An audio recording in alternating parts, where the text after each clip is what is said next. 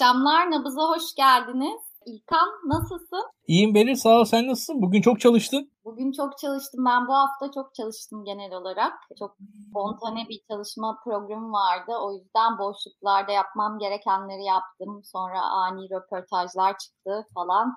Yoğun bir haftaydı. Yani Biz... senin için yoğun bir hafta olması Türkiye adına şunu gösteriyor. Senin çünkü ben yoğun haftalarını biliyorum yani son 2-3 yıldır iyi kötü haberdarım yani nerede ne yaptığından falan. Yani bir şekilde konum atıyorsun bana ister istemez e, beraber çalıştığımız. Şöyle bir durum var. Demek ki Türkiye'nin uluslararası gündemi artıyor. Yani senin yoğun çalıştığın zamanlarda genelde senin çünkü gazetecilik formatında genelde Türkiye'ye gelen yabancı gazeteciler veya Türkiye'de işte bir şekilde bir uluslararası bir, bir olay olduğu zaman sen genelde oraya orada aktifleşiyorsun. Daha aktif hale geliyorsun. Veya işte atıyorum Türkiye'deki ya IŞİD'çiler ve Türkiye konusu dünyanın çok gündemine geldiği zaman senin daha aktif olduğun bir zaman oluyor. Türkiye'de göçmen Aa. meselesi çok arttığı zaman senin daha aktif olduğun bir zaman oluyor. Şu anda niye aktifsin mesela?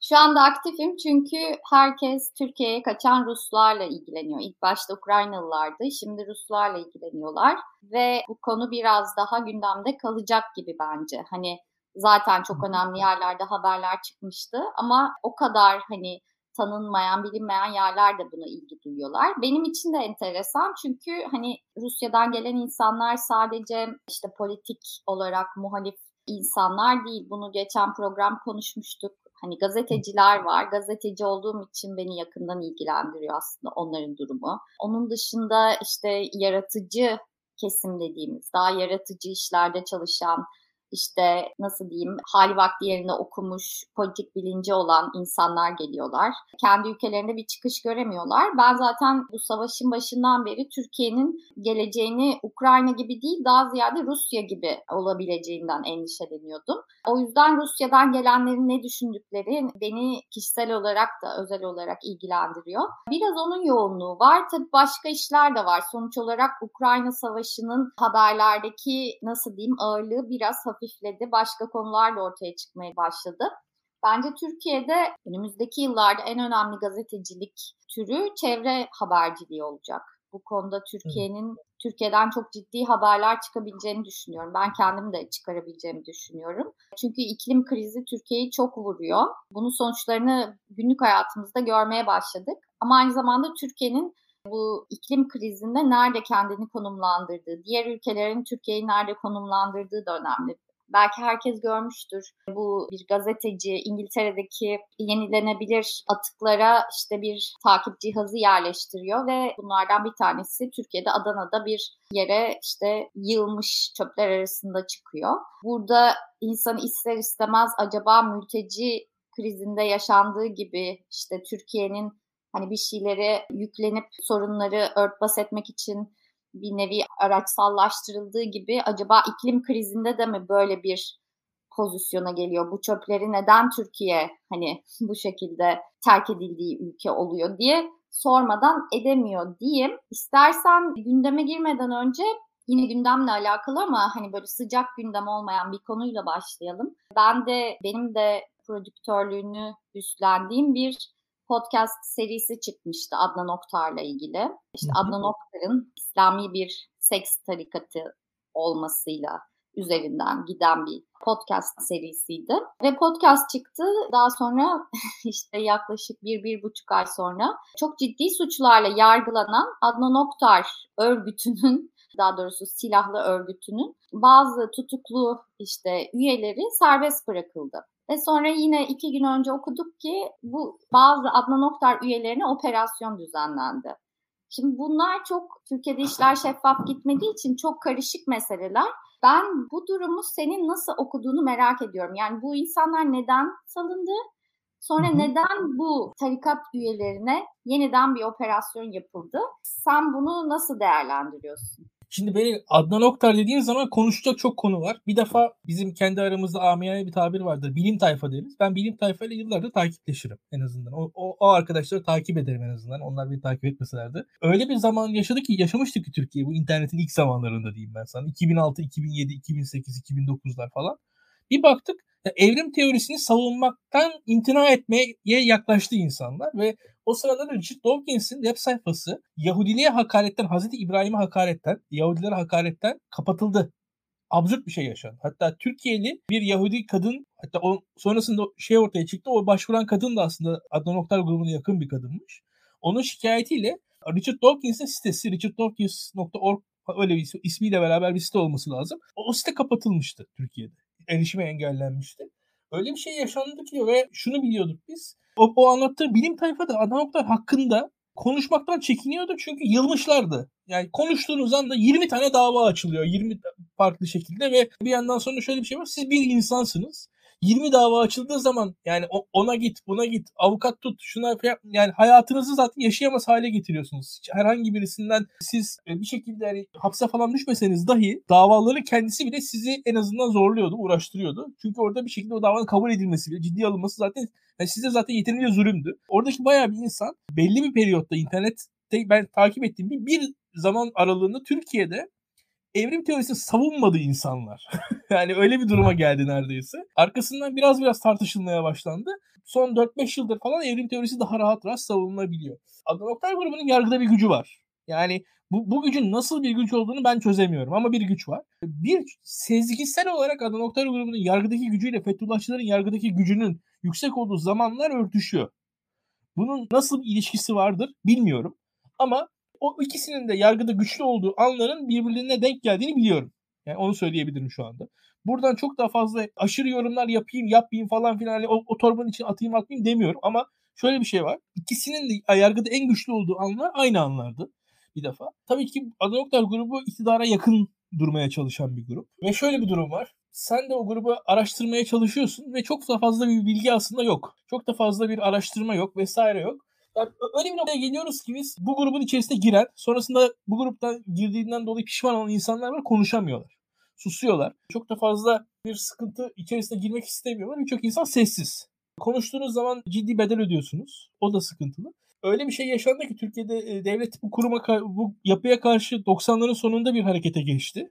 O harekete geçiş sırasında gerçekten de siyasal yelpazenin farklı yerlerinden vekiller emniyete gittiler, başvurdular, gruba sahip çıktılar ve o 90'lı yılların sonundaki operasyon başarısız kaldı. Şu son dönemdeki operasyon en başarılı operasyondu. Ama o operasyonda bile bir baktık bir şekilde salındı insanlar. Yani çok şaşırtıcıydı bu. Ve öyle bir şey ki burada zaten sanırım en basındaki ciddi yazıları Barış Terkoğlu yazdı. Orada bile çok açık ifadeler yok. Onun yazılarını önerebilirim ben kendi adıma. Ve şunu biliyorum ben. Cidden karanlık bir yapı. Çok ciddi bir şekilde ilişkilerle kendini sağlam almaya çalışan bir yapı. Birçok insanla bir şekilde o ilişkiyi kurarak kendilerini ayakta tutmaya çalışıyorlar. Ve şu gözüküyor. Bu gruba karşı olan hareketin büyük ihtimalle iktidarın kendi içinden geldiği belli. İktidarın kendi içinden geldi ve şunu da biliyoruz ki bu suçlamalar çok ciddi suçlamalar çok doğru. Çok doğru söylüyorsun. Çok ağır suçlamalar. Hatta yani Barış Terkoğlu'nun ifadesiyle o suçlamaların geri alınması, savcının tekrar hüküm ya o, o acayip bir şey yaşanmış gerçekten de. Yani son 15 günde bir yargı rezaleti bence yaşandı. Yani hangisi doğru? Bu, Yani burada bahsettiğimiz suçlamalar hani kamuoyunda çok bilinen işte kadınların oraya düşürülmesi, tacize uğraması, işte silahlı bir örgüt kurulması, işte dolandırıcılık vesaire dışında ayrı ayrı çok ciddi sayıda çocuk tacizi ve istismarı suçlamaları da var. Yani Tabii. Hani bütün kamuoyunun gerçekten vicdanını rahatsız edecek cinsel suçlar var bu iddianamede ve bunlardan senelerce hüküm yediler. Ve bir anda aklandılar. Şu anda tek ya çok acayip bir şey bu. Orada ben de anlayamadım ama çünkü bir anda rıza var falan demiş o Barış Terkoğlu anlattığı kadarıyla. Ben de tam takip etmedim. Yani. Ben de aktarıyorum sadece. E, izleyiciler onun yazılarını, yayınlarını takip edebilirler. Öyle bir noktadayız ki sen bana zaten süreci soruyorsun. Bu süreçte şu gözüküyor. Yani gerçekten yargı hala bu grupların etkisi altında yani etkisinden azade değil. Bu, bu olan biten onu gösterdi. Hala bir ciddi güç barındırıyorlar. Çok ciddi bir güç barındırıyorlar bu gruplar ve bu grupların yapabilecekleri şeyler çok fazla ve şunu da ekleyeyim ben. O grupların tarif ederken söylenen şeyleri unutmamak lazım. Yani gerçekten de bir kıyamet tarikatı bunlar. Yani kıyamet tarikatı derken yani şimdi şöyle bir durum var benim. Mesela bir din diyelim belli kurallar, kaideler, yasaklar, teşviklerle beraber kendisini ortaya koyar. İşte şu şu şu kurallara uyarsan, bunları yaparsan, şunları yapmazsan cennete gidersin. Öteki dünyadır seni motive eden şey teknik olarak. Fakat kıyamet olduğu zaman şimdi dünyevi hayatın bitişi, tüm dünyanın bitişi, e, artık kendi ölümün değil de dünyanın bitişini kendi hayatın yani hedef olarak koymaya başladığın zaman o zaman şöyle söyleyeyim daha ziyade doğrunun yanlışın, eğrinin doğrunun belirleneceği yapı birazcık daha bulanık hale gelir. Şu açıdan söylüyorum bulanık hale gelişi. Bulanık hale geliş şöyle açıklanabilir. Öteki dünya için bir şekilde bir ahlaki pusulaya sahip olan yapılar o ahlaki pusulaların şaşırmasını en azından bu kıyamet kavramıyla sağlayabiliyorlar. Ve kıyametle beraber her şeyin mübah olduğu bir zemin ortaya çıkıyor. Zaten bu yapılarda sen de haberinde ciddi şekilde araştırdın. 1980'lerde bu insanlar farklı insanlardı. 90'larda bu yapı farklı bir yapıydı. 2000'lerde farklı bir yapı haline geldi. 2010'da bambaşka bir yapı haline geldi. Bu radikal dönüşümleri kendi içerisinde yaşayabilmiş olmaları zaten bir yandan da bu kıyamet tarikatı yapısından kaynaklanıyor ve yani yapamayacakları bir şey yok. Yanlarına gelemeyecekleri bir yapı yok. Mesela ben çok net biliyorum. Ben 90'lı yıllarda kitaplarını dağıtıyorlardı bu, bu gruplar. Kendim şahsen yaşadım. Mesela Soykırım Yalanı diye kitapları vardı bu grubun. Arkasından aynı kitap neredeyse. Birkaç sayfası değiştirildi. Resimlerin çoğu aynı kaldı. Aynı kitabı soykırım vahşeti halinde tekrar bastılar. Yani kitabı değil, kitap azıcık biraz dönüştü ve yani soykırım yalanı, Holocaust'un olmadığına da, dair Türkiye'deki en çok satılmış kitabı bunlar çıkarttılar. Arkasından tam tersi hale döndüler. Buna benzer pozisyonları masonlar için de vardı mesela. Yine aynı şekilde işte Barzani için falan da gene benzer şekilde gelgitleri oldu. Bakılırsa eğer yakından bakılırsa çok ciddi gelgitleri olan bir yapıdır bunlar. Ben biraz öyle görüyorum bu yapıları ve bu, bu gelgitler zaten aslında siyaseten hedefleri için yapamayacakları şey olmadığını gösteriyor diye düşünüyorum. O açıdan çok tehlikeli gruplar olabileceklerini kanaatindeyim ben. Ve şöyle söyleyeyim Türkiye'de şunu söylemek lazım. Yani Türkiye'de nispeten daha ne diyelim hani birazcık daha geleneksel bir tabirle bektaşi meşrep insanlar var. Daha açıkçası dinin kurallarından çok da zahit olmadan uygulayan insanlar var. Bu insanların temsilcileri Adnan Oktar grubu falan değil. O grup aksine çok radikal bir grup. Çok uç bir grup. Türkiye'deki ne dindarları ne sekülerleri temsil edebilecek, edebilecek bir kapasitesi yok. Kendisini öyle tanıtıyor mesela. Yani hani hak, hakikaten ben çok rahatsız oluyorum bazen dekolteli hanımların ya dekolteli hanımların temsilcisi olacak sizin haddinize falan değil yani. Öyle bir temsilciye zaten dekolteli hanım ihtiyacı yok. Bir de hani öyle kavramsallaştırılması aslında nasıl nesneleştirildiğini gösteriyor. Yani orada kendileri için nesneleştiriyorlar orada savunduklarını söyledikleri veya söylemedikleri grupları. Ondan sonra o açıdan tehlikeli bir yapıdır diye düşünüyorum ben. Şunu görebilirim. Bu geri tutuklanmaları bir şekilde Süleyman Soylu'nun kendisini e, aklamış olması anlamına geliyor. Yani eğer aniden bu karar alınmasaydı yani bu işin hani benim şüphem Süleyman Soylu tarafına kayardı. Öyle ya da böyle ilişkili olduğu yapıları. Ama şu an en azından şey hani bir, daha öncesinde zaten bir açıklama yaptı. Olan bitenin arkasından bu soruşturma iyi soruşturmadır. Devletimiz onun peşindedir dedi. Zaten sonrasında tekrar geri şey yapıldı. Çünkü olağan şüpheli oydu. Daha öncesindeki ilişkileri bağlamından dolayı. Ama ondan sonra o grupla da mesafe koydu arasına diye biliyorum. Bakalım izliyoruz yani hani hangi grup yaptı, kim yaptı henüz daha ortaya çıkmış değil. Ben de onu ortaya çıkartacak kadar bir bilgi yok. Ama izliyorum yani açıkçası ben de senin gibi. Ve şunu görebiliyorum. Tahminim yine bu grup Tayyip Erdoğan 94'te seçildiği zaman, Erbakan 95'te birinci parti seçildiği zaman e, genelde yakınlarında olan bir grup. Ve bu gruptan çok fazla insan e, nispeten daha iyi eğitimli oldukları için aslında işte danışmandır vesairedir, yönetim kurulu üyesidir diye iktidarın yakınında yer almış durumdalar. O grup ve ayrıldılar bu gruptan. Daha muhtedil noktalara geldiler. Özellikle bu gruptan ayrılmış olup da iktidarın yakınında olan kişilerin operasyonların arkasındaki isimler oldukları söyleniyor. Bilmiyorum ben de. Yine o yani o açıdan da çok net bir hedef ya kim o bu operasyonun arkasında ve kim bu operasyonun karşısında. Operasyon karşısında olan Adnan Oktar grubu belli. Ama bir taraftan net bir koruma almış mıdır? Şunu da ekleyeyim. Özellikle Adnan Oktar grubuna yakın hali vakti yerinde kişilerin dış ticaret ilişkileri var mı? Ona biraz bakılması lazım diye düşünüyorum. Eğer dış ticaret ilişkileri varsa hangi ülkelerle ithalat ihracat ilişkisi yapıyorlar? Bir, bir de ona bakılırsa oradan da bir ilginç sonuçlar çıkabilir gibi geliyor bana. Benim de görebildiğim o. Öyle söyleyeyim ben. Daha ziyade biraz o dış ticaretle e, o grubun ilişkilerine bakılması gerekir. Birkaç basit öngörüde bulunabiliyor. Çok da fazla benim de bilgim yok ama bu tutuklamaların ve salı vermelerin çok yakından izlenmesi lazım. Kamuoyu tepkisi olmasaydı bence belki de bu soruşturma bitmişti. Yani tamamen kamuoyu tepkisiyle bu noktaya gelindi diye düşünüyorum. Daha önce de mesela konuşmuştuk seninle bir yayında. Evet. Şu an tekrar bir noktaya gelindi diye düşünüyorum. Yani şey konusunda evet yani onların temsil ettiği bir kitle var mı? Yani kitlenin gerçekten çeşitli yöntemlerle onların müritleri haline getirildiği aşikar. Bu konuda çok şey yazıldı, çizildi vesaire. Ama gördükleri bir boşluk olduğunu ben düşünüyorum. Yani seküler hayatı yaşayıp seküler topluluklara ait olup ama dini tatmini yaşamak isteyen, böyle yorumlanmasını dinin, bu hayata uygun yorumlanmasını isteyen bir kesim var ve bunu mesela sadece hayatın içinde değil yani ön plana çıkmış ne bileyim influencerlarda, modellerde, işte öne çıkan insanlarda zaman zaman bazı televizyon yüzlerinde e, görebiliyoruz. Yani bu tespit ettikleri nokta bence boş bir nokta değil. Bunun bir karşılığı var bence. Ama ona hitap edip onu başarabilmişler mi? Hani bunu, bunu insanların rızasıyla yapabilmişler mi? O ayrı bir tartışma diye düşünüyorum. Diyeyim bu konuyu kapatayım. Gündeme en sıcak gündeme geçelim. Ukrayna'yı konuşacağız tabii ki. Ukrayna'daki savaşı konuşacağız. Ama bana şey enteresan geldi. Dünden beri en çok konuşulan belki oydu. Türkiye'de yapılan bir ankette, Metropol'ün anketinde halkın %48'inin bu savaştan Amerika Birleşik Devletleri'ni ve NATO'yu sorumlu tuttuğu ortaya çıktı. Ve neredeyse tüm partilerde dağılım benzer şekildeydi. Yoğunlukla bu düşünce hakimdi. Sadece Deva partilerde böyle değildi. Bununla ilgili ne diyorsun? Bu çok konuşuldu, tartışıldı sosyal medyada özellikle. Sen ne düşünüyorsun? Şöyle söyleyeyim bir defa Deva partiler açısından anketin tutarlı olmadığını düşünüyorum. Bence onlarda da Amerikalılar birinci sıradadır. Devamında şöyle ekleyebilirim. Bu Deva Partisi dışındaki partilerde de şu var. Yani bunu biraz şöyle görmek lazım. Ben bir defa şey demiştim. Türkiye'de siyaset aslında CHP'ye şehirlerden ibarettir diye bir basit bir özet geçmiştim. Çünkü ilk kurulan parti o. Diğer o partiden farkları partilerin kendi kimliklerini belirliyor diye.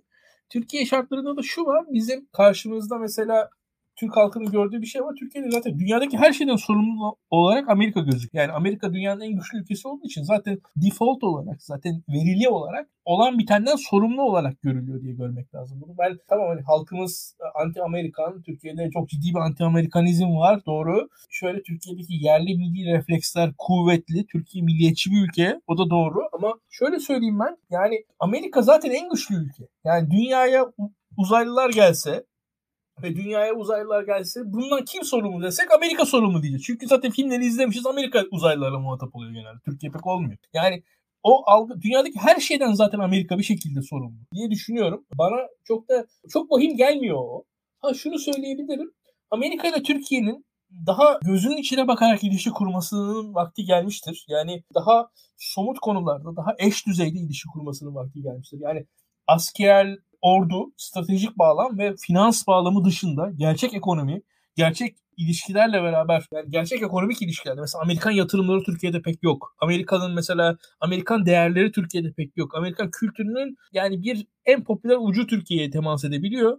Onun dışında Amerikan finans gücü IMF vesaire yollarıyla Türkiye'ye temas ediyor tabii ki dolar üzerinden vesaireyle. Onun dışında Amerikan askeri gücüyle Türkiye muhatap. Ama yani Amerika'nın mesela üniversitesiyle, Amerika'nın kültür hayatıyla, Amerika'nın değerleriyle Türkiye muhatap değil. Amerikan ekonomisi de Türkiye muhatap değil. Mesela yani Amerika'daki bir ekonomik faaliyet Türkiye'ye yansımıyor.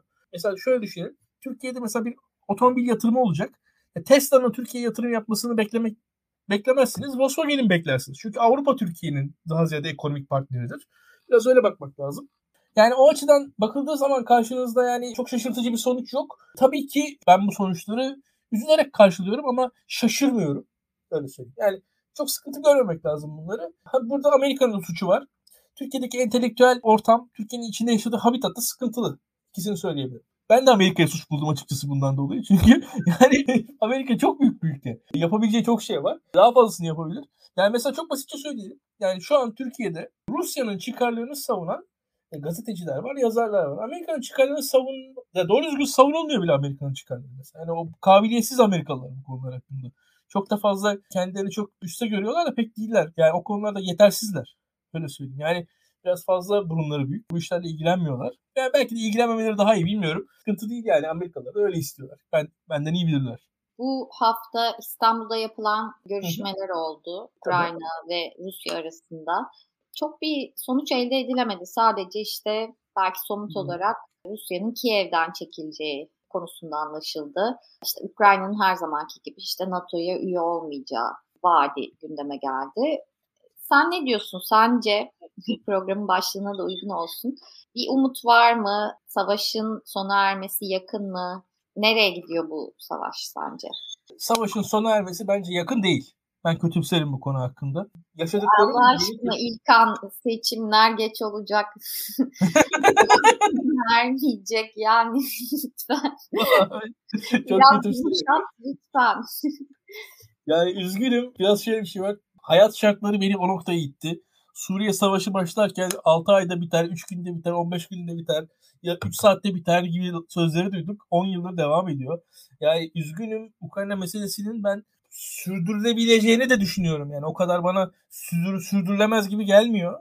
Ukrayna'nın bir anda yıkılacağını hiç öngörmüyorum. Rusya'nın da yani neden dursun? Yenilgiyi kabullenmesi zor gibi geliyor bana. Ordunun girdiği yerden çıkması çok kolay bir şey değildir. Şu anda ben mesela şöyle söyleyeyim böyle Türkiye 1921'den beri Türk ordusu, Türk askeri girdiği herhangi bir yerden çıktığını görmedim ben. Yani Türk askeri mesela Kıbrıs'a girdi hatırla 1974 yılında. Hala orada. İşte Türk askeri bakarsan 90'lı yıllarda itibaren Kuzey Irak'a girmişti. Hala şu an Kuzey Irak'ta üsleri var Türkiye'nin. Hala orada. Bakılırsa 6 yıl önce Türkiye Suriye'ye girmişti. Hala orada. Askerler geri dönmüyorlar. Yani askerler öyle girdikleri yerlerden kolay kolay geri dönen insanlar değiller. Askeri yapılar böyle Rus askerleri de şu an Kiev e, dış mahallelerine gelmiş durumlar. Oradan geri dönecekler mi? Umarım dönerler. Yani şöyle bir durum var. Yani benim gönlümden geçen makul bir şekilde olan çözüm nedir? Kırım gibi, Donbas gibi bölgelerin Rusya'ya bırakılıp egemenlik Kırım, e, Ukrayna'da kalmak şartıyla belki 50 belki 100 yılına kiralanması, Ukrayna'nın da bunun karşılığında bir tazminat olarak belki bedava doğalgaz alması 50-100 yılında Rusya'da. Yani öyle bir makul çözüm, bir Hong Kong modeli, Singapur, yani o tarz bir model e, belki de uygulanabilir. Hatta yani özellikle bir, bir ada vardı İsveç'te Finlandiya arasında. Onun egemenliği birinde şeyi birinde nüfusu bir tarafında falan gibi söylüyor. Ya o tarz bir çözüm belki bulunabilir. Egemenlik paylaşımı iki ülke arasında işte Kırım ve Donbas için verilebilir. Ee, çözüm bulmak istiyoruz ama. Şunu unutma yani Türkiye'deki işte Güneydoğu'daki çatışmaları düşün. Şu an Ukrayna'da çok ciddi bir milliyetçilik var. Ee, ve o milliyetçilik insanları sarmışken, insanları lider etrafında toplamışken herhangi bir toprak parçasını bırakmak çok kolay değil bir lider için. Kesinlikle öyle. Kesinlikle öyle. Ben ben katılıyorum sana. Zaten biraz bu yüzden de yani savaş sürebilir. 40 milyonluk bir ülke var karşımızda. Yani 40 milyonluk bir ülke direnir. Ee, Rusya'da dünyanın en büyük ikinci askeri gücü. O da tamam sıkıntı çekiyor, lojistik sıkıntıları var, planlaması hatalı vesaire de yani tüm hatalar zamanla da öğretici oluyordur Rusya. Yani Rusya da demir tavında dövülür diye düşünen bir ülkedir yani bir şekilde. Rusya'nın da ben savaştan yenildik biz hadi güle güle diyebileceğini zannetmiyorum. Bu da bana savaşın sürdürülebilir olduğunu gösteriyor. Bir tek şöyle bir şey var. Mesela şurada güzel bir yorum geldi. Kıtlık. Gerçekten de öyle. Şu an bu savaşın dünyaya vereceği çok ciddi tehlike var. Yani şu an dünyanın en büyük tahıl ihracatçısı iki ülkeden sinden bahsediyoruz neredeyse. Birinci ve beşinci ülkesi bunlar. Türkiye için turizm açısından önemli bu ülkeler ama dünya için daha ziyade tahıl açısından önemliler. Ve iki ülkede... Türkiye için de tahıl açısından önemliler. Ve Türkiye çok ekmek tüketen bir Özellikle fakirliğin artmasıyla ekmek tüketimi de artmış durumda. Yani Türkiye'de gene kendisine has bir üretim var. Türkiye ithal edemezse muhtemelen daha ziyade bizim makarna ihracatçılarını vuracaktır ilk başta diye tahmin ediyorum. Ama muhtemelen hatta hükümet makarna ihracatını yasaklar. O makarna ihracatçılarına biraz darbe vurur ve bu krizi öyle atlatabilir Türkiye'de en azından. Ama Afrika ülkelerinde falan iç savaş çıkabilir. Yani çok net bir şekilde buradan o gözüküyor ki hep konuşuyoruz zaten bu konuda özellikle dünyanın bir yan yana gelmesi lazım. Mesela Çin'de çok ciddi bir tahıl rezervi varmış. 70 milyon tonluk bir tahıl rezervinden bahsediliyor Çin'de. Bu tahıl rezervi eğer rezervini Çin dünya ile paylaşırsa çünkü Çin ciddi şekilde tahıl toplamış dünyada geçen yıllarda. Tükettiğinden daha fazla toplayarak rezervlerini arttırmış bu konularda. Umarız bir şekilde hareket edilir dünya tarafından diye düşünüyorum. En azından Covid hadisesinde olduğu gibi veya ona yakın bir şekilde. Çünkü ciddi kıtlık riski var. Çok haklısın. Yani Türkiye sonuçta orta gelir grubunda olan bir ülke. Afrika'daki ülkelerde bu fiyat artışını karşılayamayacak durumda olacaklar muhtemelen. Yani atıyorum Mali'nin, Gabon'un, Eritre'nin vesaire buralarda hatta Mısır. Yani Mısır'ın şu an ekonomisi iyi aslında ama tahıl açısından çok kırılgan bir ülke Mısır. Tahılda da hep şeye bakıyorlardı yani şimdiye kadar sübvansiyonla tahıl ihtiyaçlarını karşıladılar. Hep devlet sübvanse etti ve halkına ucuz ekmek sattı Mısır'da satılmasını sağladı. Mısır para birimi çok ciddi değer kazandı son yıllarda ve Mısır'ın hayali devlet olarak şuydu. Şu an Mısır para birimi çok ciddi değer kazandı. Biz de artık ekmeği sübvanse etmekten vazgeçecek miyiz falan diye umuyorlardı. Ama şu an tekrar tahıl fiyatları çok arttı. Mısır devleti tekrar sıkıntıya girecek diye tahmin ediyorum. Yani onun gibi çok ülke var orada. Bunlar özellikle Afrika ülkeleri. Çok ciddi sıkıntılar geliyor önümüzde. Yani ha, işte bütün bunlar belki de bu savaşın sürdürülemezliğini gösteriyor işte bir yandan da. Yani hakikaten yani bu Putin, Zelenski şu bu falan yani dünyada insanlar aç. Yani bu savaşın sürmemesi lazım. Yani şöyle söyleyeyim ben kısacası yani Suriye Savaşı'nın sürmesinin dünyaya vereceği zarardan daha büyük zararlar veriliyor şu anda dünyaya. Bunun dolar tarafı var, altın tarafı var, doğalgaz tarafı var. Yani hele hele bir, hele yaptırımlardan bahsedersek zaten şimdi bir diğer tarafı senin o yaptırımlar konusunda yani pardon benim yaptırımlar konusunda özellikle hele hele daha da aklım karışık. Bana onu sorsaydın özellikle hiç cevap veremezdim. Çünkü bu savaş bittiği anda mesela yaptırımlar bitecek mi? Şimdi bir de o tarafı var işin. Bitecek mi? İşte bitmeyecek mesela büyük ihtimalle. Yani o yaptırımlar orada kalacak. Ben şimdi hep beraber konuşuyoruz. Bu kadar mülteci ülkeleri bıraktılar ve yollara düştüler. Savaş bitti diyelim bir şekilde. Bunların hepsi ülkelerine geri dönecekler mi? Hiç zannetmiyorum. Hele hele bunlar yaşandıktan sonra çünkü şöyle bir şey var. Düne kadar, düne kadar bu savaş bir olasılıktı. Bugün bir hakikat.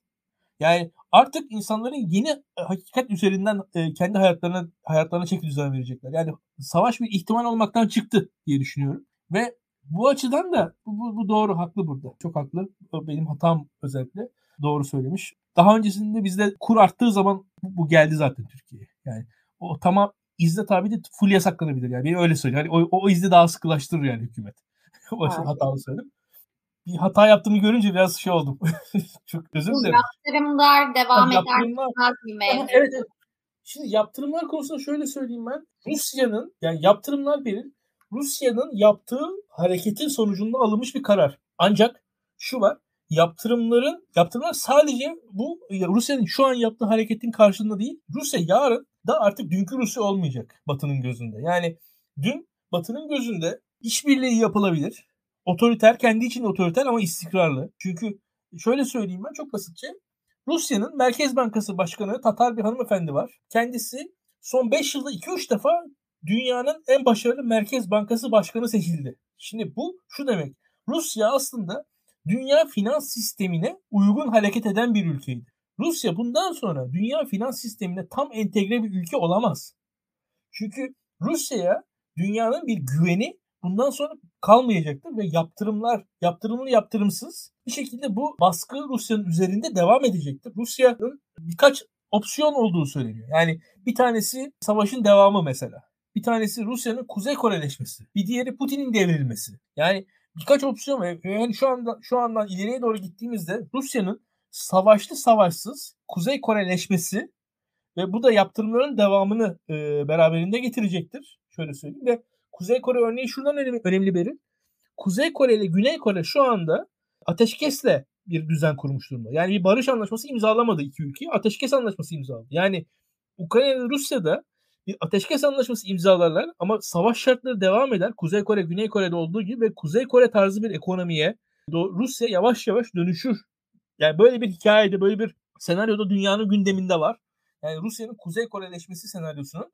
Ve bu da zaten kendi başına çok ciddi şekilde senin bahsettiğin göçün, göçmenlerin, mültecilerin devam etmesi, o akışın devam etmesi anlamına gelir diye düşünüyorum. Ukrayna konusunda da şöyle söyleyeyim. Yani Ukrayna'dan da mesela geçen gün ilk kafile geldi. Özellikle çocuk grubu, Ukraynalı bir çocuk grubu Türkiye'ye geldi. O tarz Ukraynalıların da Avrupa'dan yavaş yavaş Türkiye'ye akacaklarını tahmin ediyorum. Yani bir, bir taraftan bir 100 bin gibi bir sayı duydum. Polonya ile Türkiye konusunda bir anlaşmışlar. Yani bir, biraz Ukraynalı mülteci alacak Türkiye. Yani öyle bir şeyler de ben bana geliyor. Bilmiyorum artık. Onu da söyleyeyim. Zaten Ukraynalılar mülteci statüsüne de başvurabiliyorlar. Ee, Suriyelilerden ve hani Avrupa Konseyi olmayan ülkelerden farklı olarak Ukraynalılar aslında resmi olarak e, mülteci statüsü alabiliyorlar Türkiye'de. Aynen öyle. Şimdi ve Türkiye'nin o yüzden Ukraynalı da gelecek Türkiye'ye ve yani 100 bin belki 500 bine kadar çıkar mı bilmiyorum ama hani 100 binlere kadar çıkacağını öngörebiliyorum ki 50 bin sayısını duymuştum ben şimdi 100 bin de duydum. Yani yavaş yavaş artıyor o sayılar. Geçen hafta 50 binden bahsetmiştim. 50 bin çünkü Süleyman Soylu bir rakam olarak 50 binden bahsetmişti. 50 bin Ukraynalı'dan. Şu an ve İstanbul'da Ukraynalıların protestolarını ben izledim. Yani Hı-hı. orada zaten Türkiye ile Türklerle evlenmiş Ukraynalılar öyle bir komünite var şu an Türkiye'de biliyoruz. O komünitenin yanına yerleşen diğer Ukraynalılar da onların yanına yerleşmiş durumda. Bu sayı da artacaktır. Bir soru gelmiş. Rusya Dışişleri Bakanlığı'nın Türk siyaları üzerinden biyolojik silah göndermesi yapmasını yorumlar mısınız diye. Ben bunun buna dair bilgi sahibi değilim. Sen bilgi sahibi misin? Biyolojik silah konusunda hiç bilgi sahibi değilim. Anlamadım onu. Çünkü Böyle onu birazcık daha açması lazım. Evet. Nasıl? Evet, yani şöyle, biraz daha açması lazım. Benim de bildiğim. Ya şöyle bir durum var. Ukrayna'daki biyolojik silah laboratuvarları Hunter Biden falan o hikayelerden bahsediyorsa onu bilmiyorum. Onu çok araştırmadım. Ukrayna'daki işte Amerika'nın Ukrayna'da belli bir laboratuvarı varmış. İşte o laboratuvarda araştırmalar yapılıyormuş vesaire. Yani o laboratuvar konusu şöyle yani iki taraflı oluyor oradaki hikayeler. Yani biyolojik saldırıya karşı çalışma yapıyorum diyorsunuz da biyolojik saldırı için aynı şeyleri yapıyorsunuz aslında. Yani orada da çok da bir şey durumu var. Peki bir soru daha var. Rusya Kuzey Kore gibi bir modele gelirse Türkiye'nin nükleer enerji dahil olmak üzere Rusya ile olan teknolojik işbirlikleri ne olur? Yani özellikle şöyle söyleyeyim teknolojik işbirlikleri ve nükleer enerji çok doğru bir taraftan geldi arkadaşın sorusu. E, o işbirliği sıkıntıya girebilir. Yani o işbirliği Türkiye'nin sıkıntıya girebilir. Türkiye şöyle bir durum muhtemelen Türkiye Cumhuriyeti'nin Akkuyu'nun parasını verip satın alması ihtimali doğabilir. Çünkü yap işlet devlet modeli vardı. Rusya'nın egemenliğinde orası. Hatta yani iddialara göre şey oranın güvenliği de Rusya sağlayacak e, maddesi var orada ve o yüzden de Rusya'nın bir askeri üssü mü olacak Akkuyu diye bir tartışma biz yapıyorduk. Ama şu şartlar altında o tarz bir şey evrilmesi hayal bile edilemez. Ve Kuzey Kore tarzı bir e, Rusya ile de Türkiye çok sofistike teknolojilerde işbirliği yapamaz diye düşünüyorum. Ve Türkiye oradan öyle ya da böyle uzaklaşır. Yani e, bu çatışmanın o noktaya geldiği noktada Türkiye Rusya pek yakın durmaz. Yani yakın duramaz. Onu ben de tahmin edebiliyorum. Ama tabii Türkiye Rusya'da çok hasmane bir tavır almaz. Yani Türkiye Rusya'da belli bir dengede ilişkilerini tutar ki dengede diyoruz ama Türkiye ile Rusya baktığınız zaman Libya'sından Suriye'sine oradan Karabağ'a kadar fiilen savaşan iki ülke aslında. Türk işte e, SİHA'lar falan. Yani zaten belli bir çatışma kendi doğasında var. Arkadaşa da katılıyorum bu arada. Biyolojik silah zaten SİHA'ya ihtiyaç duyan bir şey değil. Yani zaten hani bilemedim yani. Kimyasal silah zaten hani biyolojik silahın bir e, taşıyıcı unsura ihtiyacı yok. Yani o, o, o ilginç bir şey. Onun çok manasını anlamadım ben. Benim bildiğim biyolojik silah. Yani şöyle bir durum var. Mesela diyelim Covid-19 biyolojik silah. Bu İHA'yla SİHA'yla falan bir yere bırakılmadı yani Covid-19. Bu yani mesela diyeyim biyolojik silah. Hani burada şey olmasın, bu yayın cancellanmasın da yani hani mesela öyle olsa yani bu belli bir taşıyıcı platforma ihtiyaç duyan şey kimyasal silah. Yani kimyasal gazı siz bir füzenin içerisinde o, o başlıkla beraber oraya atarsınız ve orada o, o gaz yayılır. Yani onun gibi yani taşıyıcı biyolojik silahın taşıyıcı platforma ihtiyacı yok. Yani öyle onun meselesi taşıyıcı platform değil yani. Yani virüs, mikrop, bakteri falan dağıtıyorsunuz. Onun çok da hani şeyi yok yani o kadar. Peki biraz dünya makro politikayı biraz mikro düşünelim. Adettendir bir muhalefet evet. konuşalım. Şimdi benim anladığım kadarıyla kulis bilgilerine göre gerçekten muhalefet kanadında bir rehavet var. Bu seçim yasası teklifin sunulmasından sonra bile bu rehavet devam etmiş. Zaten sen burada kendini paralamıştın bu yasayla ilgili. Bir kazanacağız özgüveni var, fazla bir özgüven var ve bu çok sık dile getirilmesine rağmen bir şekilde muhalefetin tutumunu değiştirmiyor gibi gözüküyor. Ee, şimdi bu Ukrayna'daki savaşın da önümüzdeki yıllarda devam edebileceğini, krizin yaşanabileceğini, bunun işte Türkiye'deki ekonomik krizi derinleştirebileceğini konuştuk. Bütün bunlar nezdinde şu anda Türkiye'deki siyaseti nasıl görüyorsun? İktidarı nasıl görüyorsun? Çünkü geçtiğimiz programda da konuştuk. Yani iktidar aslında kendine bir manevra alanı yakalamış durumda. Türk-Ukrayna-Rusya krizini başarılı bir politikayla yürütüyor ve bu da aslında hemen yanımız başımızda savaş çıkması günlük politikayı önemsizleştiriyor. Ama ekonomi ortada. Pahalılık, hayat pahalılığı ortada. Barınma sorunu çok ciddi bir şekilde ortada. Hatta şöyle söyleyeyim. Bir arkadaşımla konuşuyorduk kiraları. Kiralık ev bulamayacağı için boşanamayan çiftler olduğunu söyledi. Boşanıp evi terk etmeyen erkekler olduğunu söyledi. Yani çok ciddi bir barınma problemi var ve bu sadece hayatını idame ettiremeyen, ekonomik olarak birbirine bağımlı olan, olan çiftler arasında değil. Nispeten daha refaha erişmiş, işte beyaz yaka dediğimiz hani yaratıcı sınıf diyeceğimiz e, hani sınıflarda da bu çok ciddi bir sorun haline gelmiş durumda. Özellikle metropollerde. Ama yine de bir şekilde iktidarın buradan kendine bir manevra alanı yarattığını ve e, bunun topluma olumlu bir imaj çizdiğini konuştuk. Sence neredeyiz ve nereye gidiyoruz bu anlamda? Hmm. Şimdi çok komplike bir soru sordum. Bir defa şöyle söyleyeyim. Biz buradan kendimize bir söz verelim Beril. Bir hafta gerçekten de bu emlak meselesini konuşalım. Yani kiraları, ev fiyatlarını, insanların yani, durumunu. İlkan e, söz verip unutuyoruz. Not alalım bence. Aynen öyle not alalım. Hatta şöyle söyleyeyim. izleyicilerimizden rica edelim. Bir hafta biz e, niye konuşmadınız diye bize kızsınlar. Emlak fiyatlarını, kiraları konuşalım. Çünkü çok ciddi bir mesele bu. Şöyle söyleyeyim Beril ben bunu konjonktürel olarak, günlük olarak da görmüyorum. Zaten biraz o yüzden konuşalım. Yani bu Türkiye'de ekonomik krizin de ötesinde bir emlak sorunu var ve daha da büyük bir emlak sorunu yaşayacağız. Herkes Türkiye'de emlak balonundan bahsediyordu. Henüz Türkiye'de öyle balon falan yok. Yani tam tersine bir durum yaşanıyor şu anda. Yani ciddi bir kıtlık içerisindeyiz ve bu artacak. Üzgünüm. Çok ciddi sıkıntılar yaşıyoruz bir defa. Bunu bir kenara koyuyorum. Şöyle söyleyeyim benim. Türkiye'deki enflasyon nasıl başladı? Daha doğrusu büyük enflasyon. Yani %15-20'ler civarındaydı enflasyon. Biz biz bir anda enflasyonun arttığını gördük. Bunun ilk sinyalini bize kiralar vermişti. Hatırlıyor musun? Yani Eylül-Ekim aylarında kira artışlarını biz bir şaşırmıştık. Herkes ev sahiplerine falan küfrediyordu. Ama kiralar aslında öncü göstergeymiş. Ondan sonrasında bir anda enflasyonun kendisi de o noktaya geldi. Yani o kiralar artışları noktasına geldi. Herkes şaşırdı. Nasıl olur? Ne yapalım? Hani ev sahipleri dedirdi mi? Bu kiraları kim ödüyor falan deniyordu. Tam tersine döndü olay. Ve hatta yani asgari ücretin 2000 liralarda olduğu zamanlarda bir fantastik artışlar yaşandı. Şimdi devam edelim. Birazcık daha üzerine gidelim bu konunun. Bu konu en büyük konumuz olarak devam edecek. Yani ekonomi konusunun en sert noktası kiralar olacak bir defa. Ekonomi konusuna geri dönersem ekonomide şöyle söyleyeyim ben. Hükümetin ekonomisini, ekonomik durumu e, yapısal olarak düzeltme şansı yok. Şu an Tayyip Erdoğan Cumhurbaşkanı oldukça. Yani Tayyip Erdoğan durdukça çok da fazla devamı yok diye düşünüyorum. Şöyle söyleyeyim. E, bunun arkasından da benim hissiyatım da şu ekonomik durumu düzeltemese de Tayyip Erdoğan ekonomik durumun daha kötüye gitmesini engelleme şansı en azından bu tarz krizlerde buluyor. Yani bir şekilde işte oligarkların parası Türkiye'ye geliyor. O para Türkiye'de konaklıyor. Bir şekilde belli Türkiye'nin şu an bakarsanız mesela Kaşıkçı'nın davası Suudi Arabistan'a aktarıldı. Bir bakıyoruz işte atıyorum Mısır'la yakınlaşmak isteniyor. İsrail'le yakınlaşmak isteniyor. Buralarda işte Kürt doğal gazı, Kürt gazı, Erbil'in, Kuzey Irak'ın gazı e, Türkiye üzerinden Avrupa'ya gide, gidebileceği konuşuluyor şu anda mesela. O tarz anlaşmalar var. Azeri-Ermeni yakınlaşmasına Türkiye'nin de eklenebilme ihtimali var belki de. Yani bu tarz şeylerle aslında belli bir alan açabilir hükümet kendisi ama bu alanı Türkiye ekonomisini düzeltmez mi? Yani biz daha öncesinde şey konuşmuştuk. O Katar ve Birleşik Arap Emirlikleri zamanında onu söylemiştim ben. Yani Katar ve Birleşik Arap Emirlikleri'nin parasıyla Türkiye ekonomisi dönmez. Yani ben birkaç ay rahatlık verir de o, o ülkelerin parası zaten Türkiye çok büyük bir ülke. Yani o ülkelerin parası yani Türkiye'nin finansal yapısını kategorik olarak değiştirmesi lazım ki. Yani Londra vesaire e, asıl para orada. yani o Orta Doğu'dan gelen parayla Türkiye'nin ekonomisi dönmez yani o başka bir şey.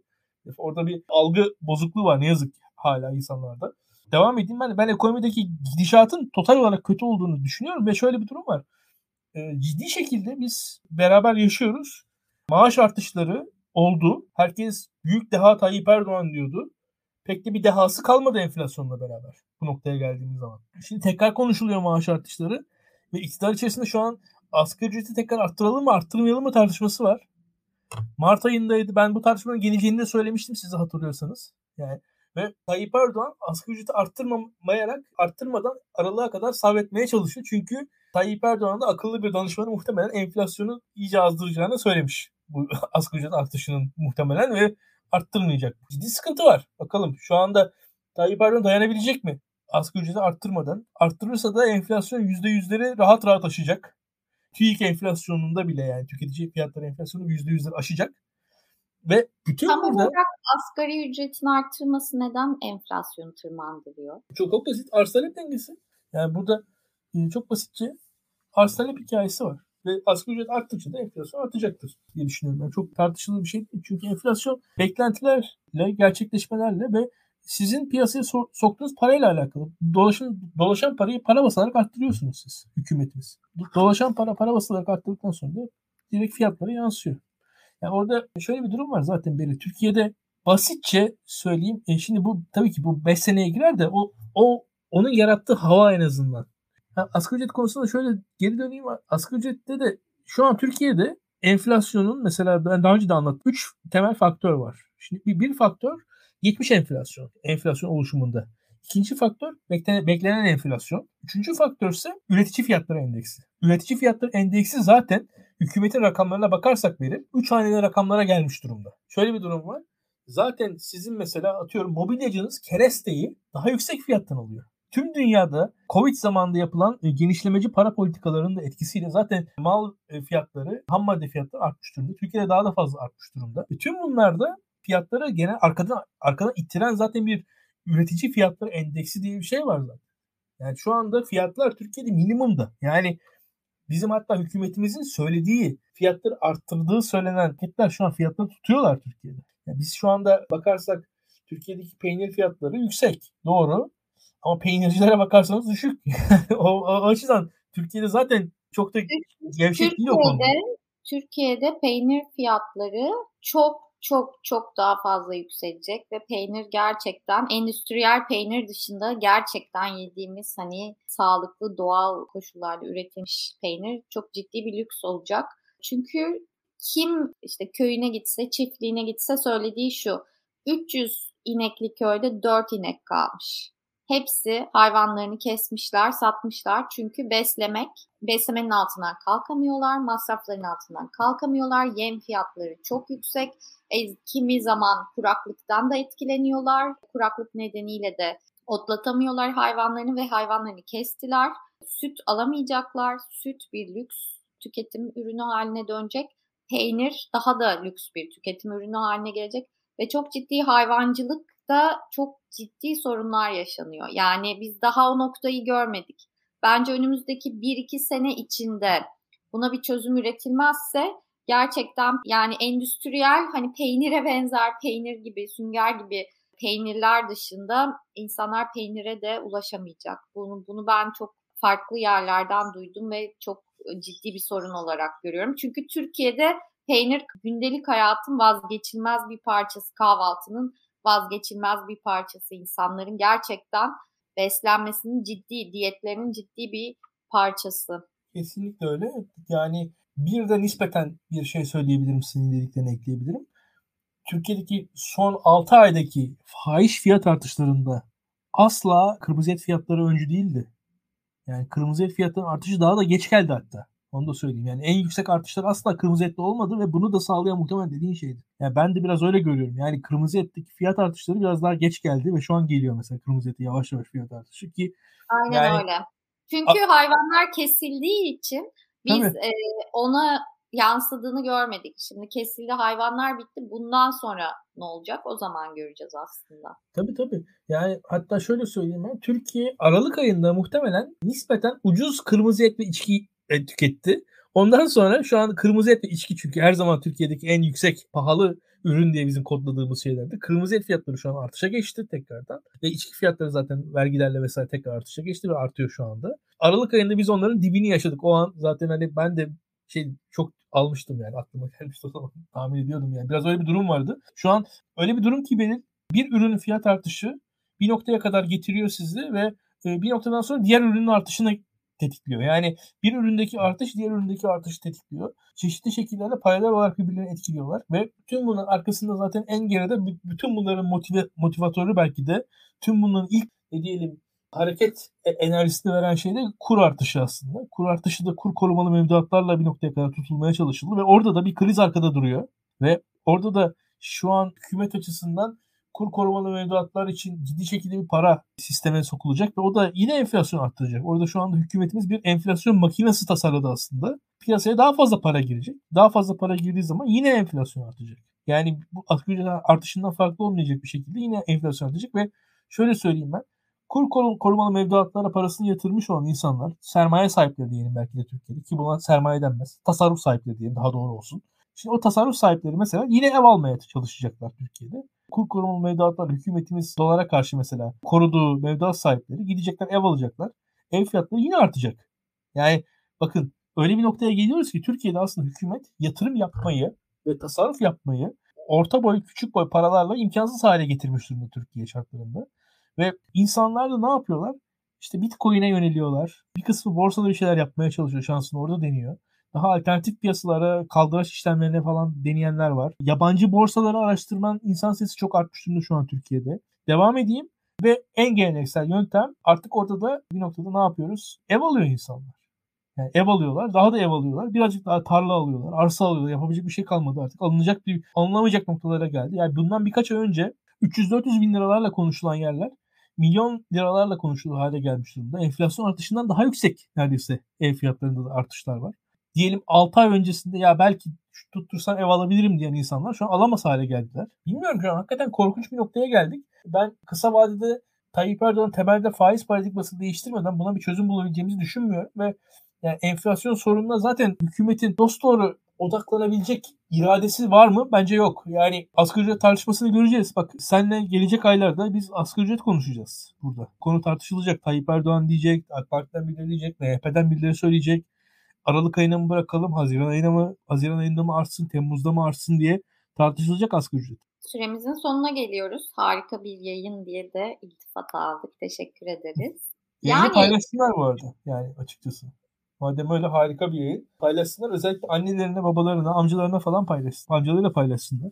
Farklı yaş grupları en azından bizi izlesin. Mesela bir 15 yaşında izleyicimiz varsa kendisini yorumlarda görmek istiyorum ben. Mesela en genç izleyici benim diyen insan kendisini yorumlarda göstersin. En yaşlı izleyici muhtemelen benimdir diyen insan kendisi yorumlarda göstersin.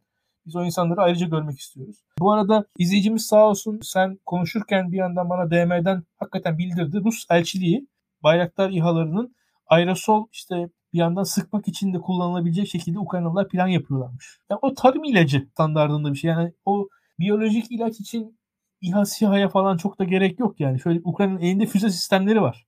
Yani bana çok inandırıcı gelmiyor yani. yani şimdi diyelim biyolojik silah var Ukrayna'nın elinde ve evil bir şekilde kullanacaklar. Ki çok da şey, şöyle bir durum var ki yani Ukraynalılarla Ruslar zaten etnik olarak, genetik olarak çok birbirinden farklı milletler değiller. Yani o hangi Ukraynalıya gidecek de Rus'a gelmeyecek mi? O onun rasyoneli yok yani. O şey yok. Ve kendi toprağına mı sıkacak? Onda şey değil. Ve şöyle söyleyeyim bir de biyolojik silah diyor. Yani kimyasal silah mesela çok basitçe yayıldıkça yavaş yavaş seyrelir. Seyreldikçe de etkisi azalır kimyasal silah. Biyolojik silahsa yani o kadar kontrolü kolay olmayan bir yapı riskli bir uygulama olur diye düşünüyorum Ukraynalılar için de. Çok da böyle bir e, cephenin karışık, karışık olduğu yerde kullanılabilir mi? Çok gö- göremiyorum.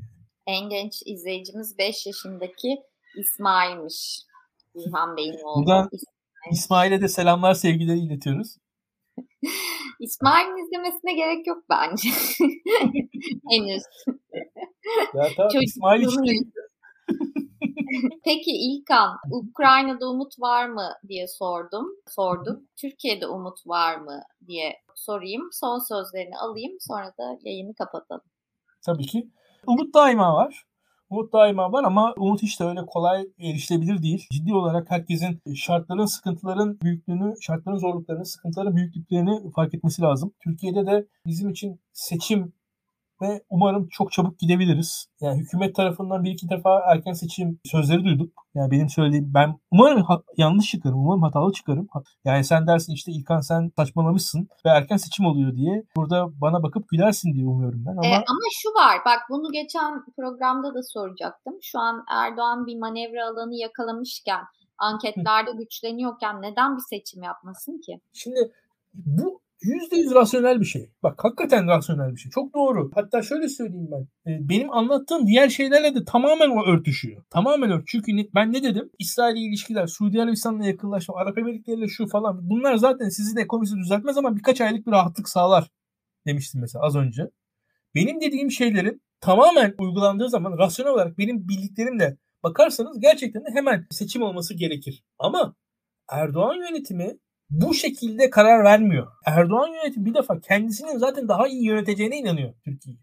Ve kendisini yönettikçe daha iyi yöneterek Türkiye'de daha iyi sonuç alacağına inanıyor. Yani şöyle bir durum var. Yani ben Erdoğan yönetiminin Türkiye'yi adım adım daha kötüleştireceğini düşünüyorum. Onun arkasından da Erdoğan'ın Erdoğan'sa kendi yönetiminin Türkiye'nin daha iyileştireceğine inanıyor. Yani aramızdaki temel paradigma farkı bu. Benle aynı doğruları görse de Erdoğan zaten yarın Türkiye'nin daha iyi olacağını düşünüyor. O yüzden de yarın seçime gitmek bugün seçime gitmekten daha iyi onun için. Erdoğan'ın bakışı başka yani Erdoğan. Erdoğan benim gibi düşünmüyor.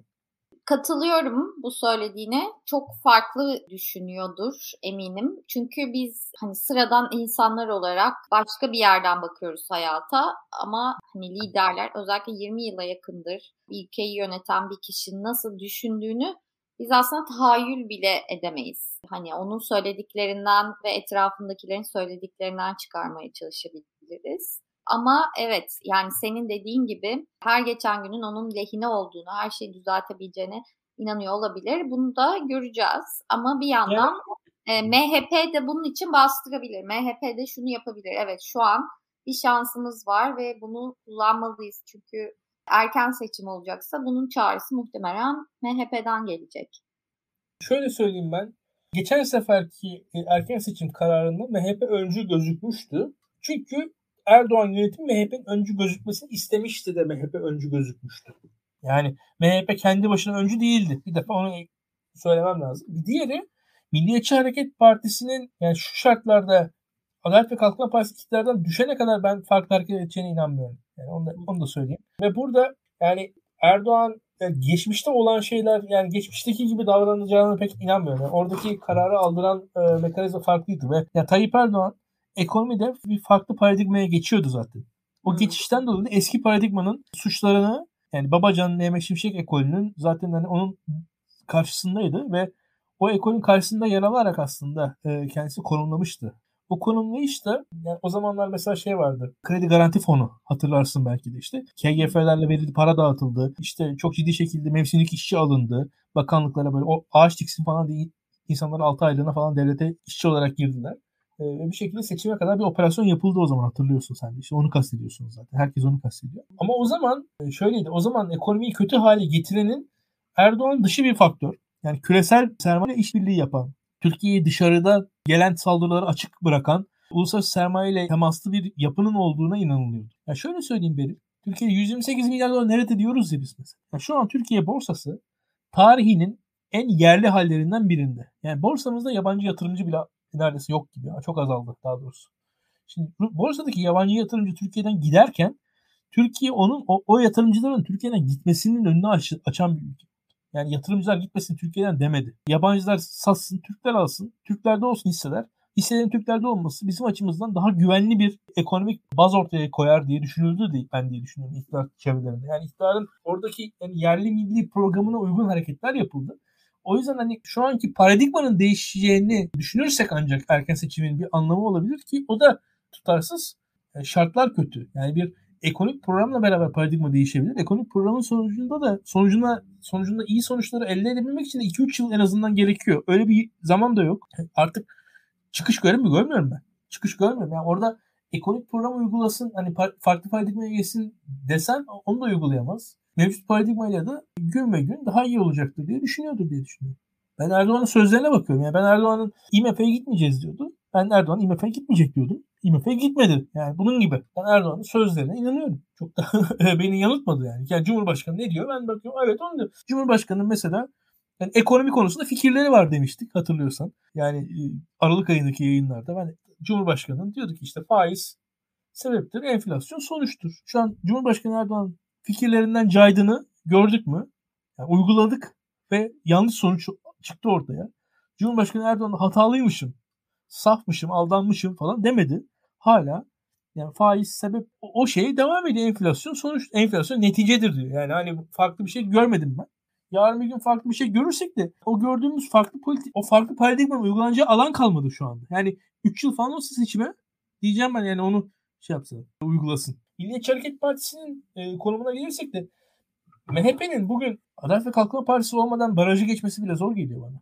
Adalet ve Kalkınma Partisi'nin bağımsız bir hareket etmesinin anlamı yok ve MHP'nin kendisi açısından da muhalefete geçmesi yani elinde iktidar var MHP'nin. %10 oyla alınmış bir iktidar var.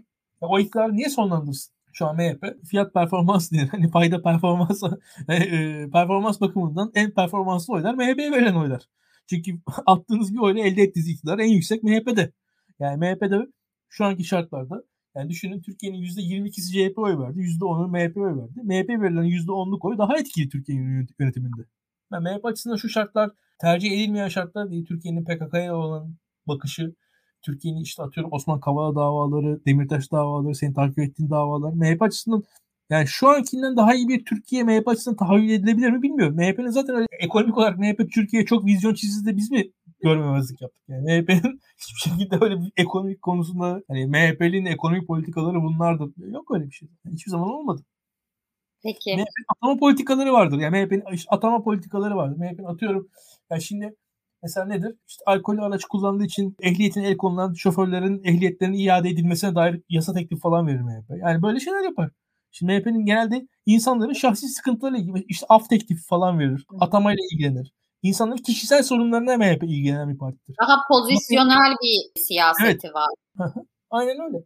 Yoksa ülkedeki daha büyük sorunlarda MHP'nin terör hariç bir tavrını ben görmedim. Peki. Süremiz doldu. İzleyenlere çok teşekkürler. Böyle interaktif devam etmek bizim için de çok iyi oluyor. Her zaman ilginizi, alakanızı, sorularınızı bekliyoruz diyeyim. İlkan çok teşekkür ederim. Ağzına sağlık. Herkese iyi akşamlar. İyi akşamlar. Thank